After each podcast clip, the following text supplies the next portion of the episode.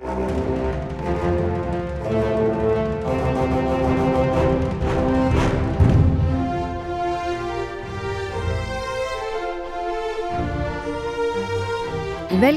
til Frankrike forklart, en podkast der du får svar på alt du lurer på om Frankrike.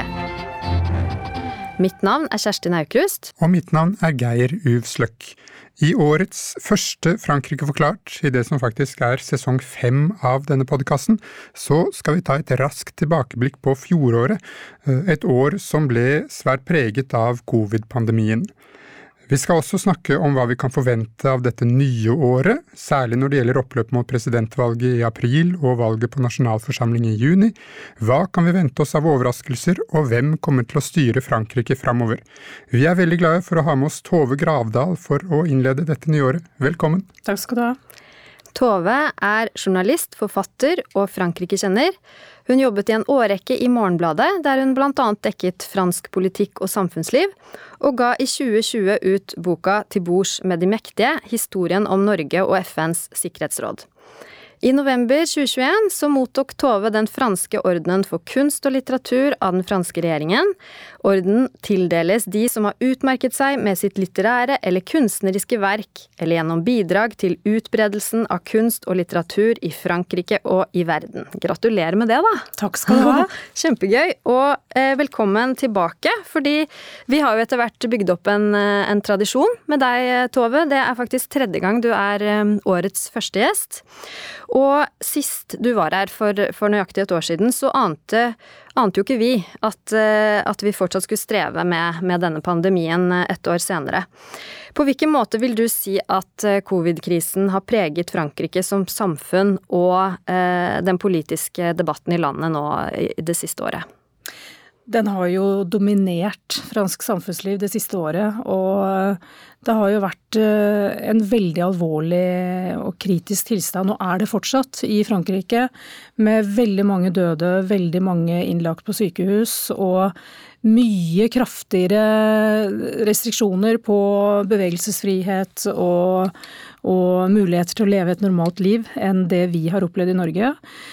Og jeg syns kanskje noe av det mest interessante som skjedde i fjor, det var ehm, det som skjedde i juli. Da Macron først i en TV-tale eh, kunngjorde at han ville innføre vaksinepass. Altså krav til at du må vise at du er vaksinert for å kunne gå på restaurant og eh, kjøre tog osv. Og, så og eh, den reaksjonen som da kom, da han holdt den talen, altså i løpet av bare noen veldig få uker, så var det plutselig ti millioner flere mennesker som ble vaksinert i Frankrike. Og mm, det fenomenet Vi hadde jo da hørt mye om at franskmenn eh, de, Det var mye vaksineskepsis og mye motstand, og mange som øh, nektet å ta vaksinen. Og så kommer dette tiltaket fra staten, fra presidenten.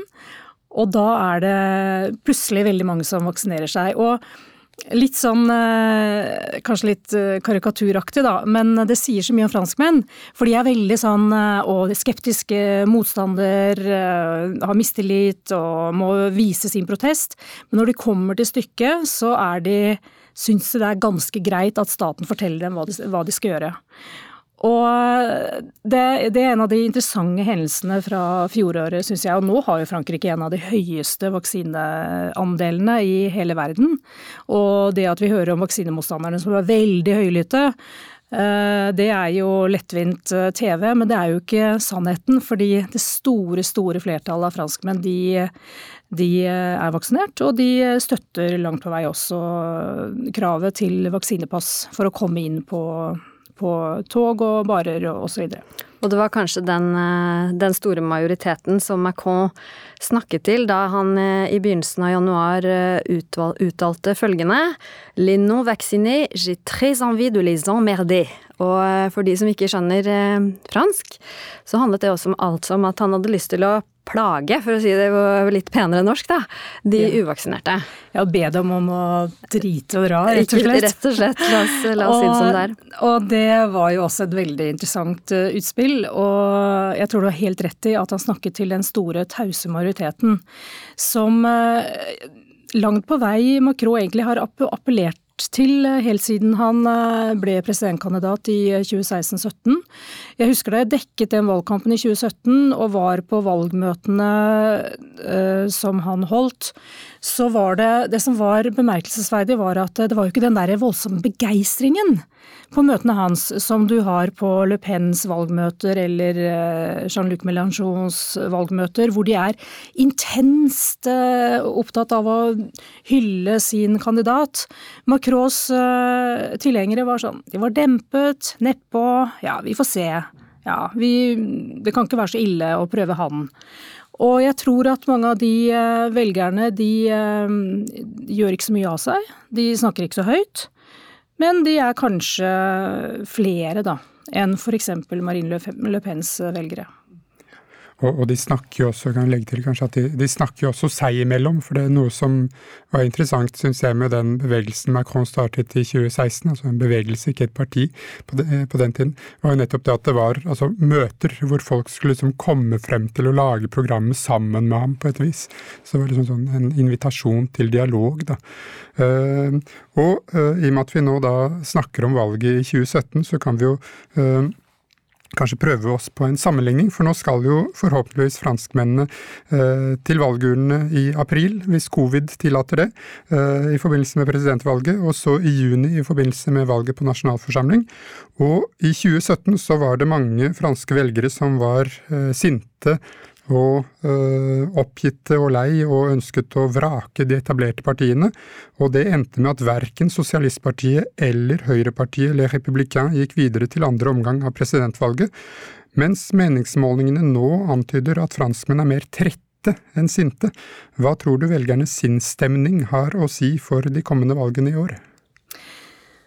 Jeg tror at øh Først og fremst vil det ramme Erik Semor, som jo er årets eh, nykommer i, dette feltet av eh, presidentkandidater. Kanskje du kan kort si litt hvem han er? Eh, han er jo en TV-kjendis, først og fremst. Og, og, blir sammenlignet med Donald Trump fordi han har raffinert dette og kommet med provoserende utspill som gir ham veldig mye medieoppmerksomhet.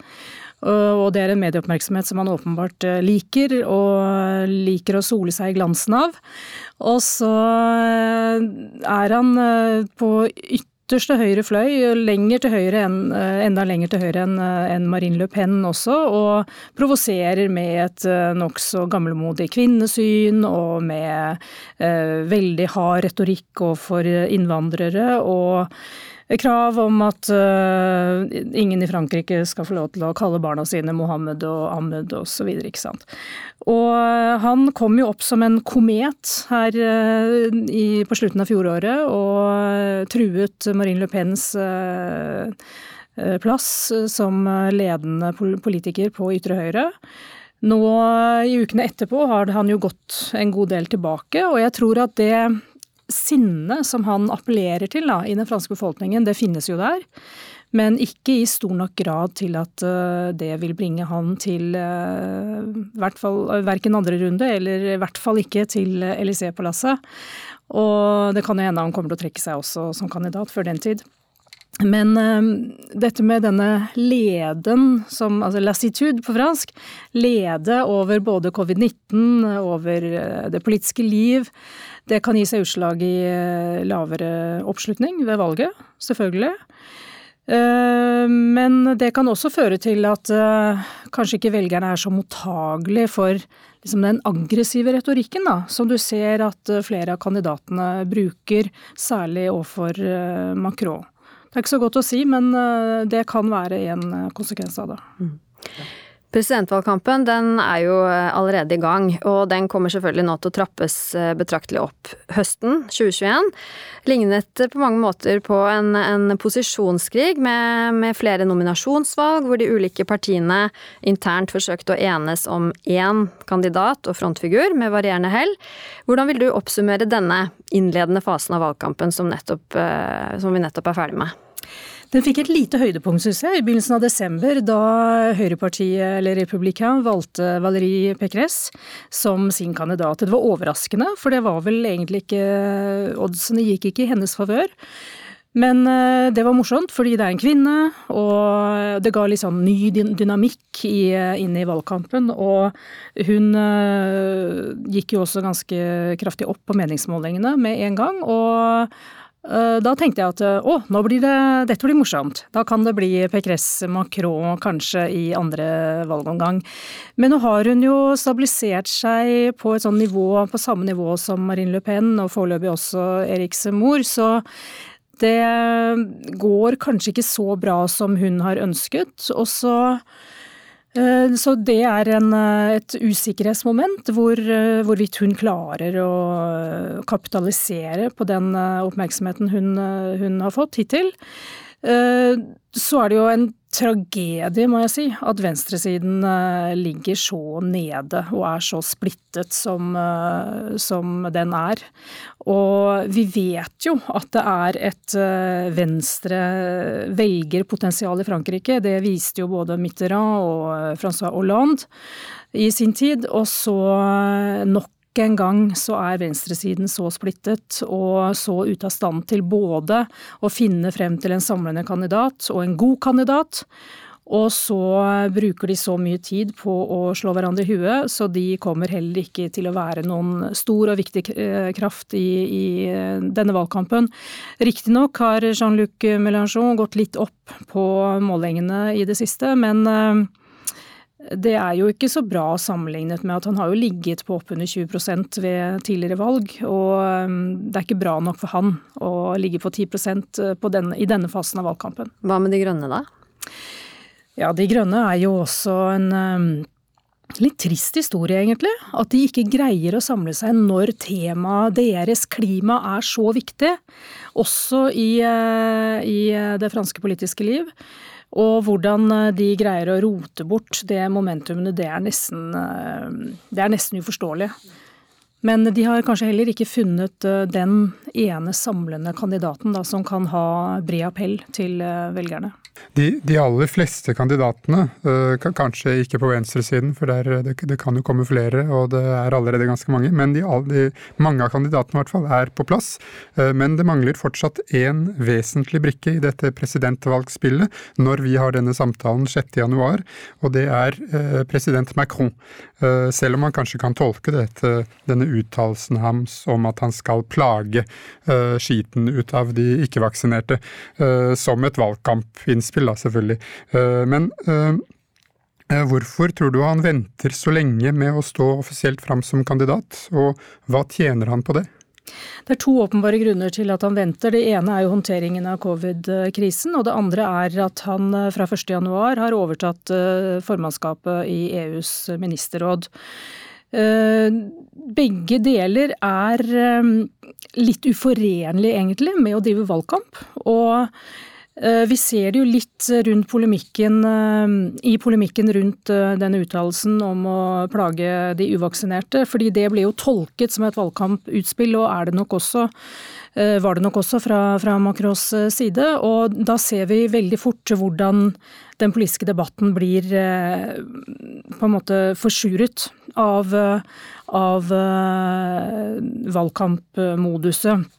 Så det, nok, det er nok lurt av han. og og fremstå som en statsmann, som en handlingsmann, som da både skal få ned smitten, få ned dødstallene i Frankrike, og ikke minst på den europeiske arenaen at han da skal fremstå som, eh, som en leder som driver EU i den retningen han ønsker.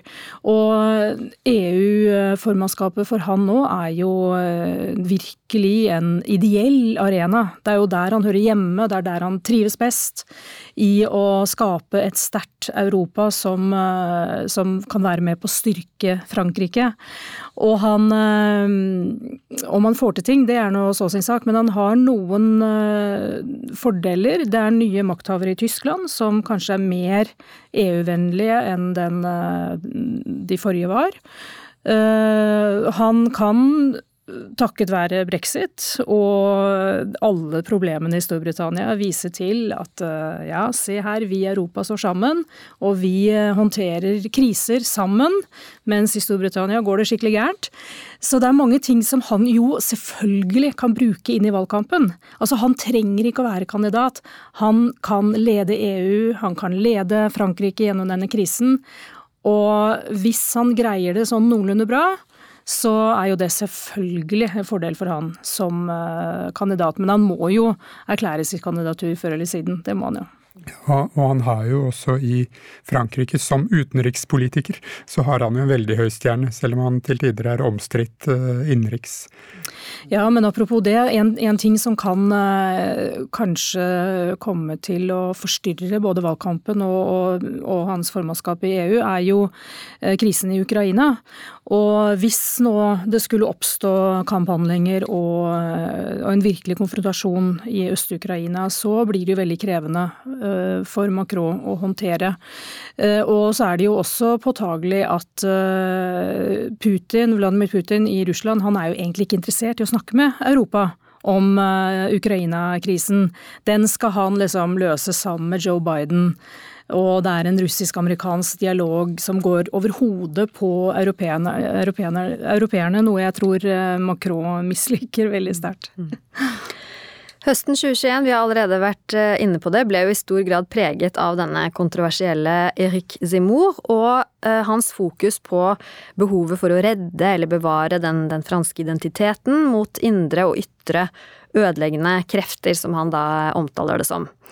Og høyresidens nominasjonsvalg, der nevnte Valérie Pécresse vant, var også preget av behovet for å gjenreise Frankrike. Men meningsmålingene viser at det er ikke først og fremst dette velgerne er opptatt av. Det som de bryr seg om først og fremst, er kjøpekraft. Og, selvfølgelig helse, da, gitt, konteksten.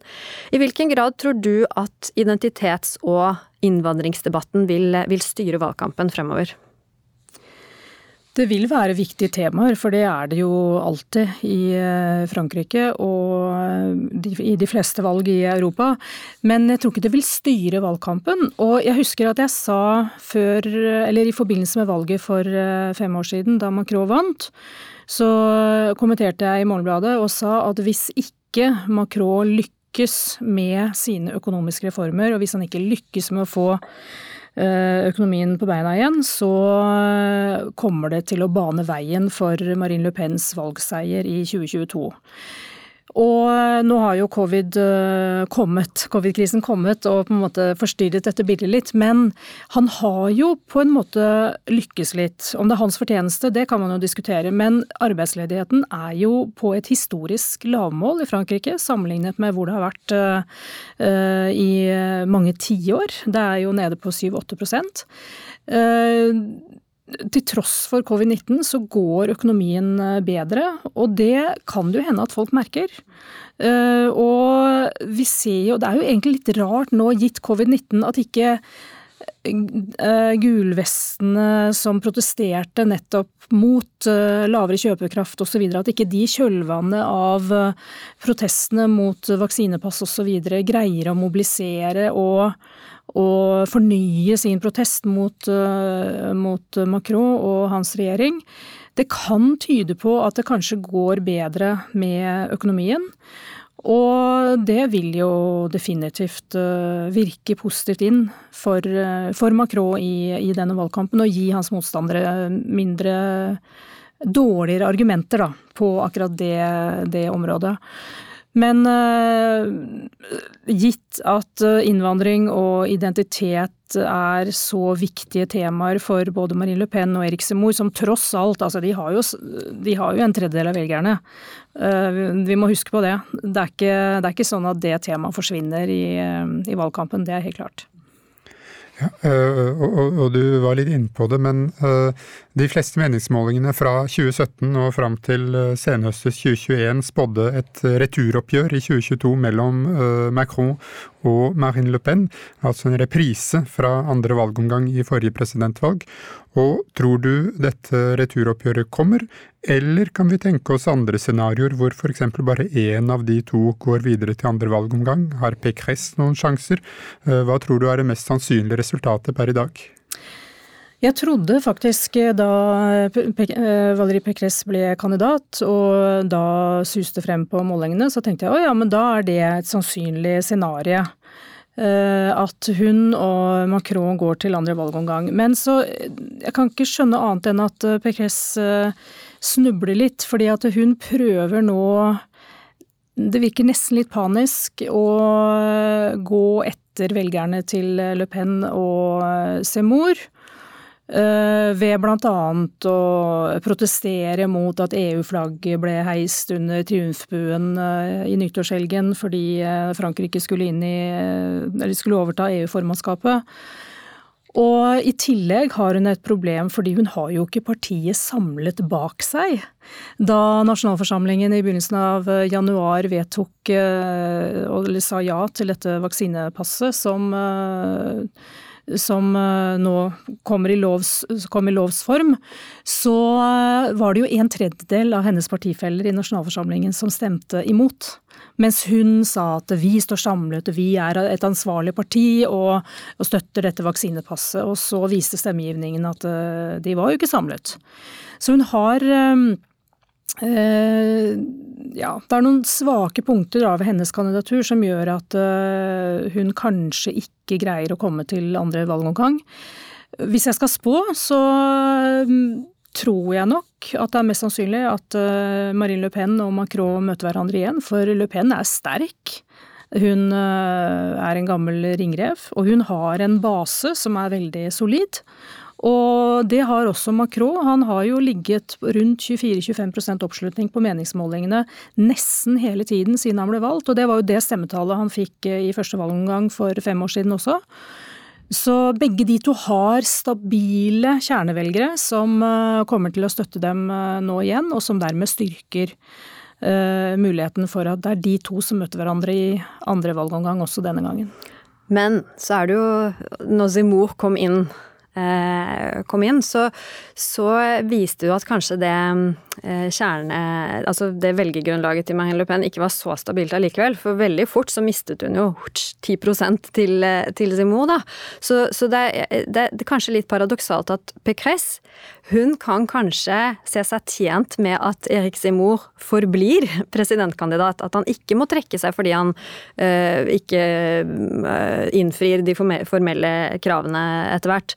Fordi at hvis, hvis ytre høyre er splitta mellom Simou og Le Pen, så er sjansen for at hun kommer til andre valgomgang mye større. Dersom Simou er ute av spill, da er jeg enig med deg. Da, da er det nok eh, mm. Macron-Le Pen-reprise. Det er helt riktig, og på samme måte så kan det jo, eh, hvis eh, Jean-Luc Mélenchon fortsetter å å vinne støtte på meningsmålingene, så kan det jo også tjene ham til gode at eh, Høyre, ytre høyre er splittet mellom tre kandidater, fordi det kan bikke han over eh, tilstrekkelig til at det er han som møter eh, Macron i andre runde. Det kunne jo vært ganske morsomt. Med andre ord, ingenting er gitt. Det er jo dynamikken i det franske presidentvalget mm. som gjorde at Jospin ikke gikk videre i 2002. Mm. Ja, så er det jo et annet valg, det må vi ikke glemme heller. I, i juni så er det altså valg til nasjonalforsamling. Hvor viktig er dette valget for den nyvalgte presidenten og hans regjering, og, og, ikke minst for opposisjonen, tror du? Det er jo kjempeviktig. Og eh, vi har jo opplevd eh, to ganger i nyere tid eh, det som kalles cohabitation, altså samboerskap mellom en president og en statsminister fra ulike partier. Sist gang var det jo Chirac som opplevde det sammen med sosialisten Lionel Jospin. Og Gitt at Macron har jo et veldig svakt parti i ryggen, og fordi han har jo nå i inneværende periode så har han jo et, klart flertall i nasjonalforsamlingen, men han øh, Det er flere av øh, hans partifeller som har forlatt partiet og blitt uavhengig eller gått til andre i nasjonalforsamlingen, og det skal mye til at han greier å gjenvinne et flertall i nasjonalforsamlingen, selv om han skulle bli gjenvalgt som president.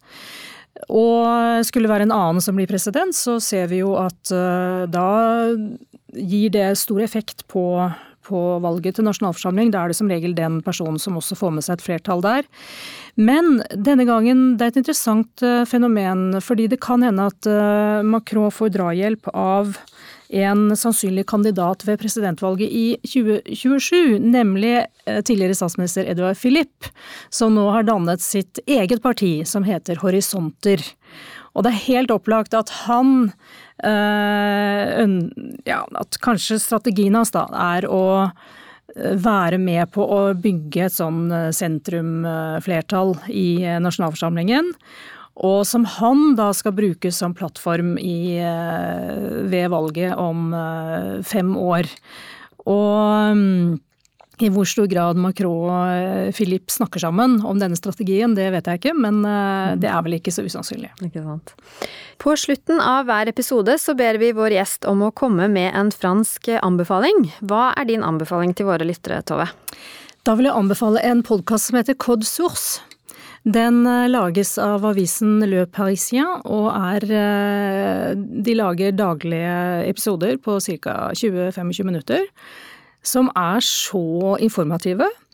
Og de er pedagogiske og flinke. Det siste jeg hørte, det var eh, gjennom fransk venstreside. Så går de gjennom hva som har skjedd med de forskjellige kandidatene fra september og fram til i dag. og det er veldig pedagogisk. Hvis du ikke har fått med deg alt, så får du det du trenger i den podkasten.